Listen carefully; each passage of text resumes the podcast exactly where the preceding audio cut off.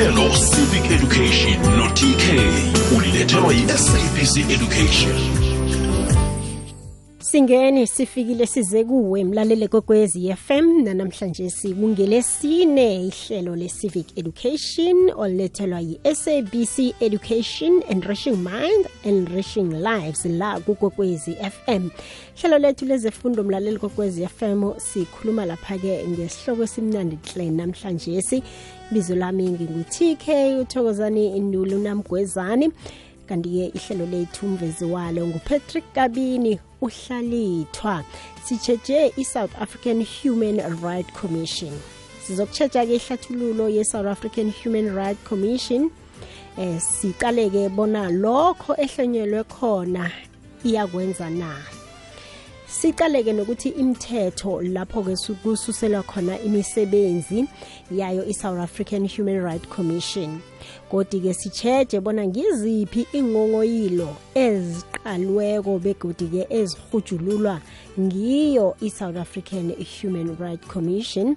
Kanti-ke nokuthi ngiziphi okungekhe zahujululwa ngiyo ikomishana le.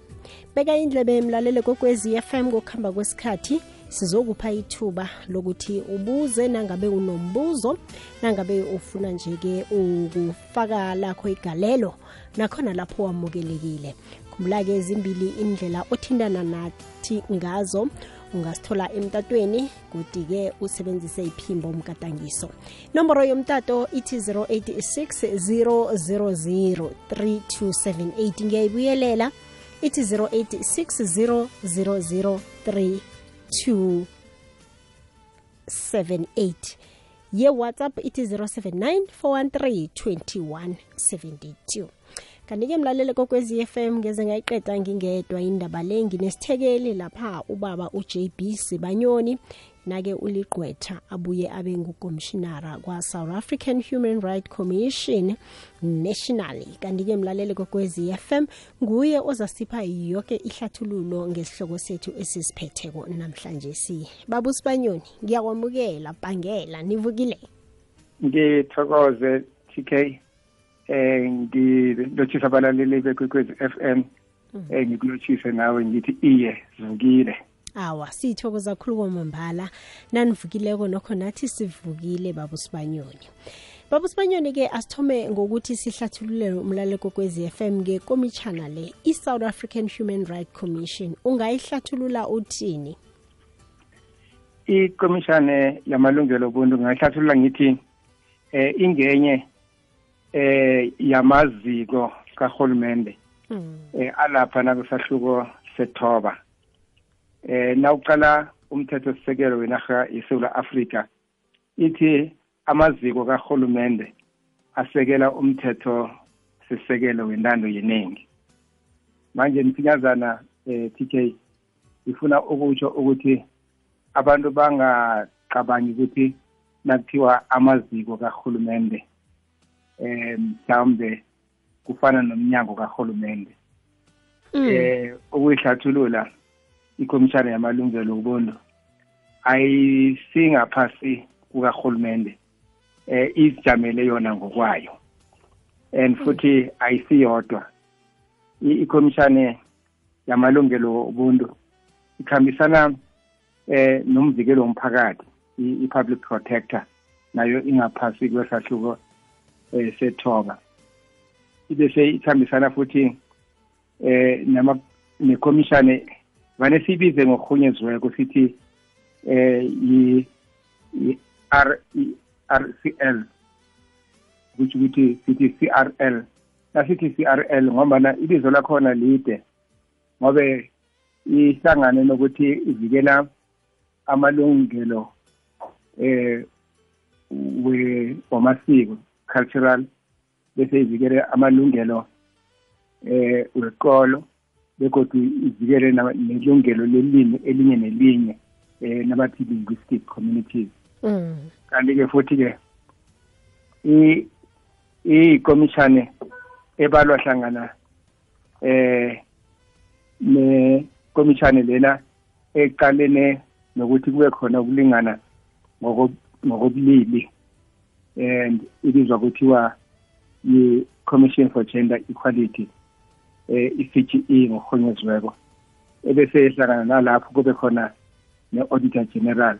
Abanye-ke bajayele khulu i-electoral commission ikomishani le evane kube ngiyo ephatha amakhetho eh amakhetho wenarha yonke sithi national elections akhambisana namakhetho wemfunda provincial elections bekodwa namakhetho wabomasipala aphethwe ngiyo i-electoral commission i-iec independent electoral commission and Hmm. okunye-ke engifuna-ke ukutsho ukuthi yona ikomishana yamalungelo obuntu le eh isebenza ngaphansi komthetho sisekelo i-constitution eh begodu-ke isebenza ngokuthi kunomthetho owaphasiswa kwenzelwa yona eh, esithi i-south african human rights commission act number 40 yaka-2013 ukhona-ke omunye oqalene nokuthi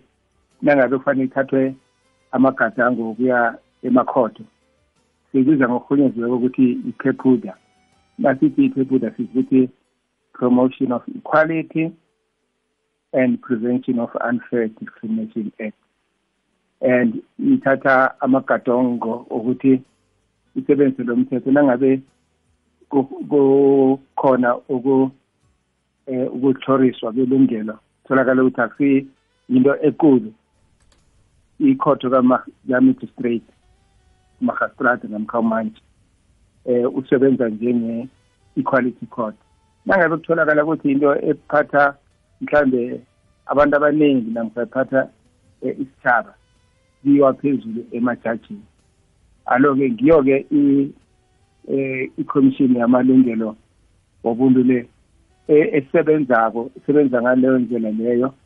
And futhi-ke eh okunye engifuna ukukutsho ukuthi inikezwe amandla ukuthi kufanele ithuthukise eh ukuba khona kwamalungelo begodu nokuthi abantu bajayele njalo ukuthi amalungelo ayahlonishwa akahloriswa begodu ithuthukise nokuragela phambili ukuthi lamalungelo lawo kufanele nawo athuthuke angajami ndawo yinye. Okunye ngathi eh ibeka ilihlo begodwa inemicala ukuthi amalungelo la enarheni sula Afrika ngaphakathi akuhamba kunjani konke lokhu eh kumumethwe lapha yena eh, isahluko e184 section 184 wayo i eh i-constitution yenarha yesula africa and ke TK okunye ngisafuna ukukutsho ukuthi vane ngikutsho lokho ukuthi i- ikomishani yamalungelo obuntu Mm. nawo wona amanye engwabalile abo-public protect umvikelo womphakathi njalo njena eh ba- bazijamele bona ngokwabo kuthiwa kufanele ingakhethi ihlangothi ibe impartial. And begodu nayenza umsebenzi wayo ngathi mandate namkha ama-powers and functions ikwenze lokho eh ngaphandle eh, kokusaba ngaphandle eh kokukhetha bekodwa nangaphandle kokuthi ibe namavundo and vale ngithi mina na- nayinjalo njena kusho ukuthi pheze ifana eh namakhotho ngobana i-commission lena kuthiwa eh amandla wayo noma imandate yayo kufanele isebenzise eh without fear favor or prejudice bekuyinkubaleko kanti nakucala amakhotho nawo amakhotho vane kuthiwe they must dispense justice without fear favor or prejudice. Begodwa ngingakakhohlwe kunye eh iphiwe amandla ukuthi kwezinye indawo kufanele ukuthi ingaqali ukuthi izoloko igijimela ekhotho. Eh nafanele ukuthi ilungise iyakwazi ukuthi nayo ikhiphe eh iziyeleliso eh namkha iziphakamiso zokuthi eh kufanele kulungiswe. Nakutholakala ukuthi khona ubuchapho la benzeke khona. Eh ngokulandela yena u eh usection 184 nangambeka ngesingisi ukuthi abantu abatsha bezwe kuhle eh usection 184 subsection 1 angithi subsection 2 b uthi the South African Human Rights Commission must take steps to secure appropriate redress where human rights have been violated. Kama amagama kufanele uthathe amagadango wokulungisa la eh kube khona eh, ukuhloliswa kwamalungelo. And ke okunye okuqhakathekileko eh nasikhuluma ngayo imandate i-human rights commission kusho ukuthi umnyaka nomnyaka kufanele eh ibuze zathi eh imikhakha kahulumende ukuthi kufanele ithule imibiko yokuthi isebenze kangangani ukuthi amalungelo lana akwazi ukuthi ahlonitshwe. Ake ngifune ke ngisifitshane eh TK ithi each year the South African Human Rights Commission must require relevant organs of the state which ngaba i-national government i-provincial government namkha i-local government masipala. Ithi to promote the commission or to provide the commission with information on the measures that they have taken towards the realization of the rights in the Bill of Rights uh, concerning housing, izindlu, healthcare, amaphilo, food, water, amanzi, social security, education, ezefundo and the environment nezebhoduluko. Mhm. Baba Sibanyweni asigwinya amathe ke sizobuya siragele phambili nendaba esiphetheko le. Eh. Ahake. landela ikwekwezi fm enkundleni sokuthindana ukubana ikwazi ikulandele nawe twitter at ikwekwezi underscore fm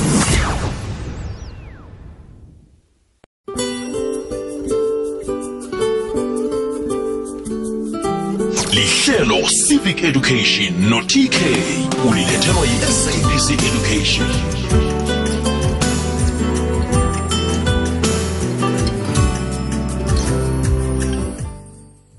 Lichumi nahlanu imizuzu eseleko ngaphambi nakubethe isimbi yechumi usalalela umhasho ikwekwezi fm kukhanya ba nosando uvulela siyakwamukela siyakulotshisa mlaleli siphethe ihloko lapho sitsheje khona i-south african human right commission. Sitsheje ihlathululo yayo njengoba nasihlathululela lawo baba u-jb sibanyoni. Sicale nokuthi-ke lokho eyahlonyelwa khona mlaleli bona ikwenze iyakwenza na? Sicale-ke imithetho lapho kususele khona imisebenzi yayo ikomishana le. Ungathoma-ke nawe mlaleli usidosele nangabe unombuzo ku-086 0003278 nanyana ugadangisa iphimbo lakho ku-079 413 eh 2172 inomboro yethu ke ye-whatsapp leyo la ugadangisa khona iphimbo lakho. Sirakela phambili ke babusibanyone ngifuna khe sicale lapha ke ingongoyilo eh ehaye zifike zithulwe kukhomishana le. Ngiziphi ezivumelekileko bona ke ningaziphenya nizilandelele?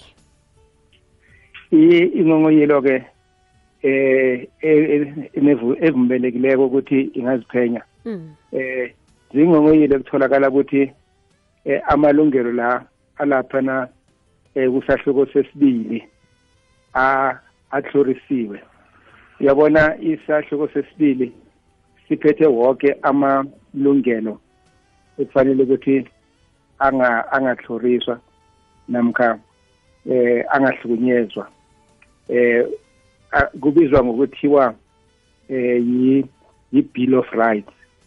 And i-bill of rights ngingayihlathulula ngithi eh umbhalo eh omumethe wonke amalungelo eh akhona amalungelo obuntu nakukhulunywa ngama-human rights. And enye into engifuna ukuyisho futhi TK indaba yokuthi abantu kufanele bakhumbule ukuthi ke kwaba khona i-freedom charter eh lo mbhalo lo ekwathi lowo khakade ngomnyaka ka-1965 kwakhanjwa indawo eziningi indawo nakuhlala khona abantu khona eh kwakuthiwa iscomplus ema-township amalokishi abanye abantu bahlala ezinkomponi compound. Abanye bahlala eh, eh, emakhaya. And ke ama-rural areas njalo njena um babebuzwa-ke abantu ukuthi naningathaba enarheni esewula afrika yini nani enifuna ukuthi um ibe khona? Babhala phasi-ke abantu ekwathathwa kuthiwa ama-demands. Kwase-ke kuthiwa nasele-ke kuhlangene nakumukelwako naku-adopthiwako kwathiwa yi-freedom charter. Umbhalo wamalungelo. Alo-ke um kwenzeka lokho endaweni yase-claptown eh hlanu kwaseSoweto eh ngomnyaka ka1955 nawuqala ke usahluko sesibili eh sithi umhlolo wamalungelo eh wobuntu. Amanye amagama i-bill of rights. Sithi basic rights noma sithi fundamental rights. Amalungelo asisekelo engafanele ukuthi nalinye ilanga akhe ahloriswe sinyazana nje TK eh sicala ilungelo lokuthi kufanele kube khona eh ukulingana eh equality ukuthi enaheni eSouth Africa siyakhumbula ukuthi kabe khona ikambiso namkha indlela yokubusa yokungalingani. Iyagcina eh seyithathwa kumbi. Ngisho nayi inhlangano yenthaba yonke eh i-United Nations kwathiwa i-apartheid le eh iyahlorisa eh it is a crime against humanity. And then amanye amalungelo la eh umsebenzi wayo i-human rights commission eh indaba yokuthi kwabonakala ukuthi kufanele kube khona eh uku ukuthuthukiswa kwesithunzi eh isithunzi sobuntu. Ngesingisi sithi i-human dignity. Amanye amalungelo ilungelo lempilo njengoba njengalisuphule laphana ukuthi sivane iminyaka neminyaka kube nelungelo lokuthi ikomishani ingabhalela eh umbuso ibabuze ukuthi senisebenze kangangani? Eh ukuthi amalungelo la akwazi ukuvikeleka. Eh ngiyagijima msinyazana njena ngithi elinye ilungelo ilungelo lokuthi uyabona kadeni khabe uthi uhlezi nje uzwe seku eh kukokodwa eminyango angithi kwaba nendlela yokuthi umuntu okokoda ngendlela ephezulu vane kuthiwa hey ukuqeda njengepholisa.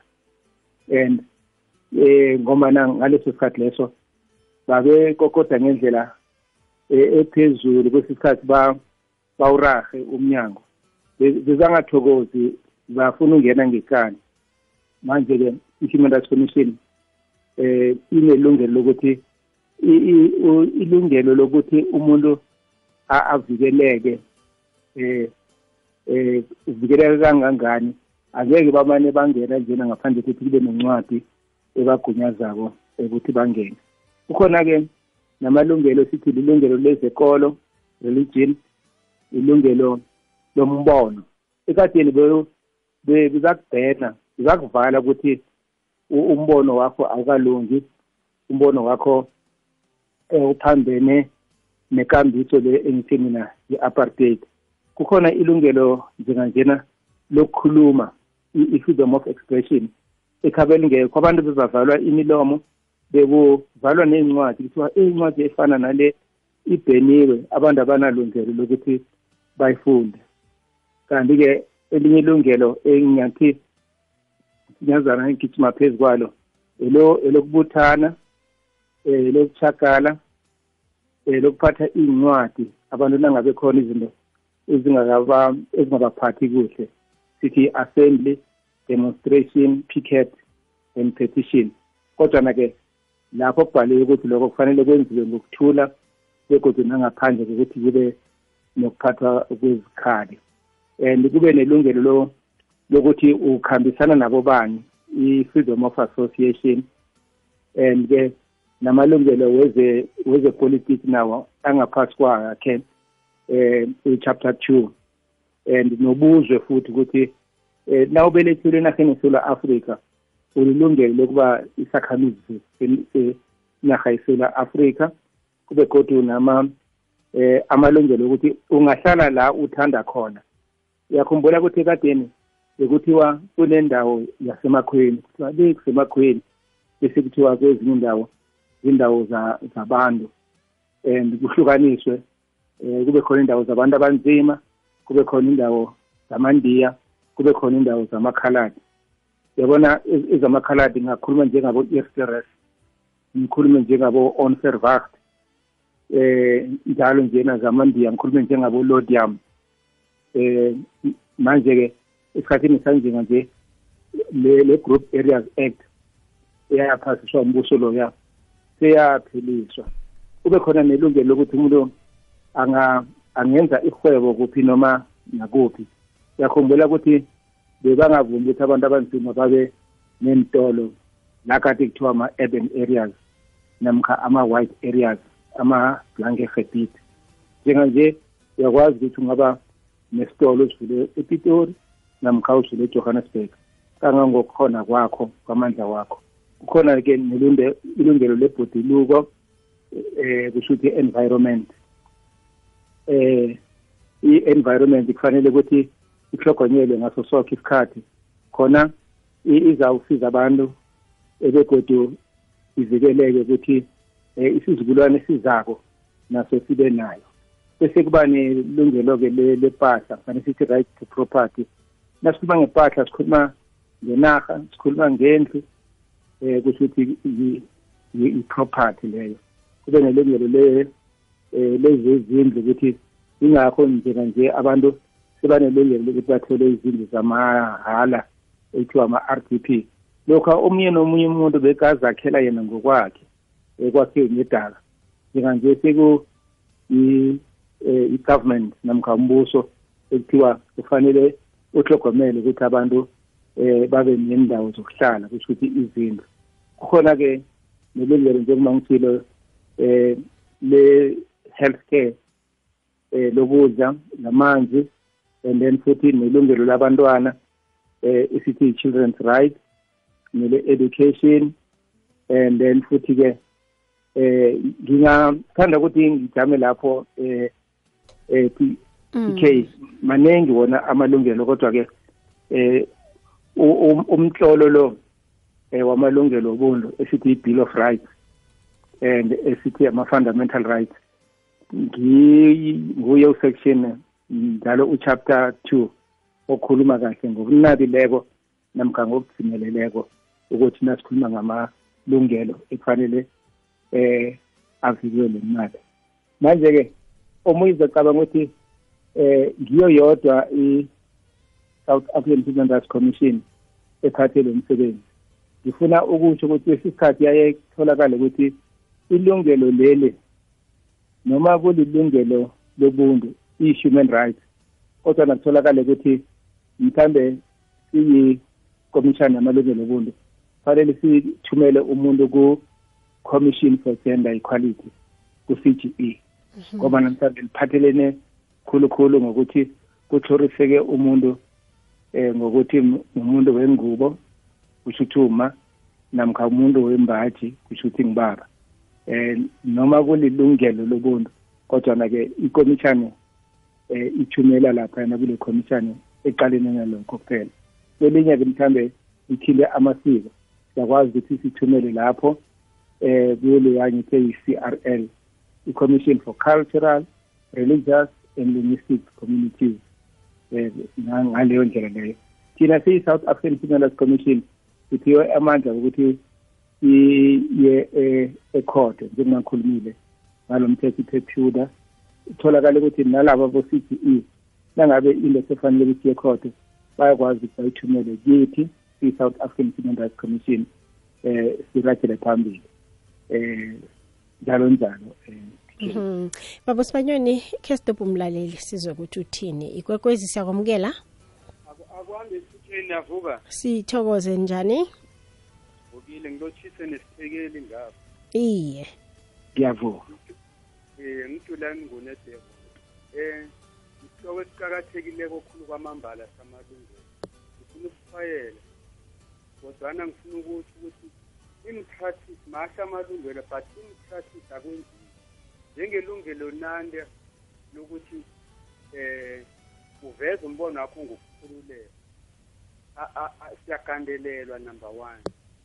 Ilungelo lokuthi iquality esikhathini sagadesi uthothi nesiya emakhotho noma kwenzakala iintshidile emphakathini kuba boma khulukhulu ababugayo.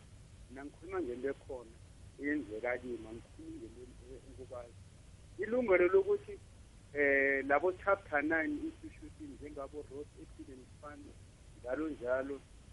Inhlakadelo zakhona awuzitholi Mm. eh kunokuthi kwenzeke lokho siyachoriseka ukwenza amalandelelo emzweni ezingalezo kungenziwani ukuthi amalungelo abantu ahlale Hmm. Hayi siyathokoza umtato wakho ubeka indlebe emhashweni. Ahake.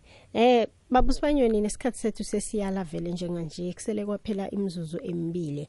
Enaka sasho somlaleli wethu babusibanyoni kunabantu abalilako emaplasini okuphulwa amalungelo wabo. Kuyakhulunywa kodwa ke akubi nomehluko. Ingabe mhlambe ke umthetho uqine kangangani ekulandeleni izehlakalo ezifana nalezi bese ke uhlanganise ke nalokhu bekuvezwa ngumlaleli. Sivale. msinyazana njena eh TK.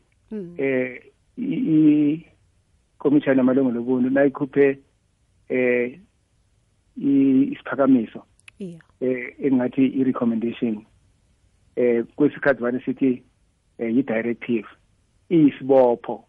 O loyo okhitshelwe isicundo sokuthi fanele alungise ugandelelekile ukuthi fanele alungise la enze khona ubuchapho la ahluleke ukatelelekile khona. baba sibanyoni ngiba wasitshiya inomboro yomtato lapha umlaleli azakudosela khona ngombana ngiyabona-ke im- eh, imtato iyapanyazana lapha ku-whatsapp. Bathumela ama-voice note kodwa nakhe ngesithola ithuba lokuthi umlaleli simnikele siwalalele. Ngiba wasibashiyele inomboro zomtato. Oh inombolo zami zomtato zithi eh 083 bese ithi 286 ithi 30 ithi 17 Mhm. yase ofisini elikhulu i-headquarters esejohannesburg yona ithi 011 877 3600 ngiyabuyelela 011 877 3600 kodwa ke TK angithi njenganje kukhona ukuthi kwesisikhathi abantu basebenzela emakhaya. And futhi ke sinama office ahlukahlukeneko alithoba eh ku province ne province kune office le Human Rights Commission. Umuntu nakafonele leya engibanikele yona eh uyakwazi ukuthi nangabe ifele impopo bamnikeza inombolo yaselimpopo nakasempumalanga bamnikeza impumalanga nakase-gauteng bamnikeza yase-gauteng ahake baba usibanyoni sithokozele khulu kamambala ihlathululo yoke. Osiphe yona ube nobusuku obuhle. Ngithokoze nami ngithokoze kuwe PK ngithokoze nakuPatrick Gabini uhlalithwa ngithokoze nabalaleli bekwekwezi FM ikhanya ba ahake sithokoze mlaleli ngubaba uJB Sibanyoni oliqwetha abuye abe ngukommissionara kwa-South African Human Rights Commission. Sithokoze khulu kwamambala ukubeka kwakho indlebe. Inqinqabeze ngesikhathi sethu sibe sincane zange sikwazi-ke um ukuthola-ke umbuzo wakho mlaleli. Kodwana utshile inomboro zomtato ubaba usibanyoni ukuthi u- wenze ilandelela nanyana-ke uthule umbuzo wakhe kuye bese uza kuphendula. Siyahlangana-ke kodwa mina nawe ngomvulo kiwo amahlelo wezefundo langomvulo i-civic education. Njenganje ngikuchiya noma khuthalele ezimfaneleko umindlu love bekubethe isimbi yechumi nambili. Ngikhambile.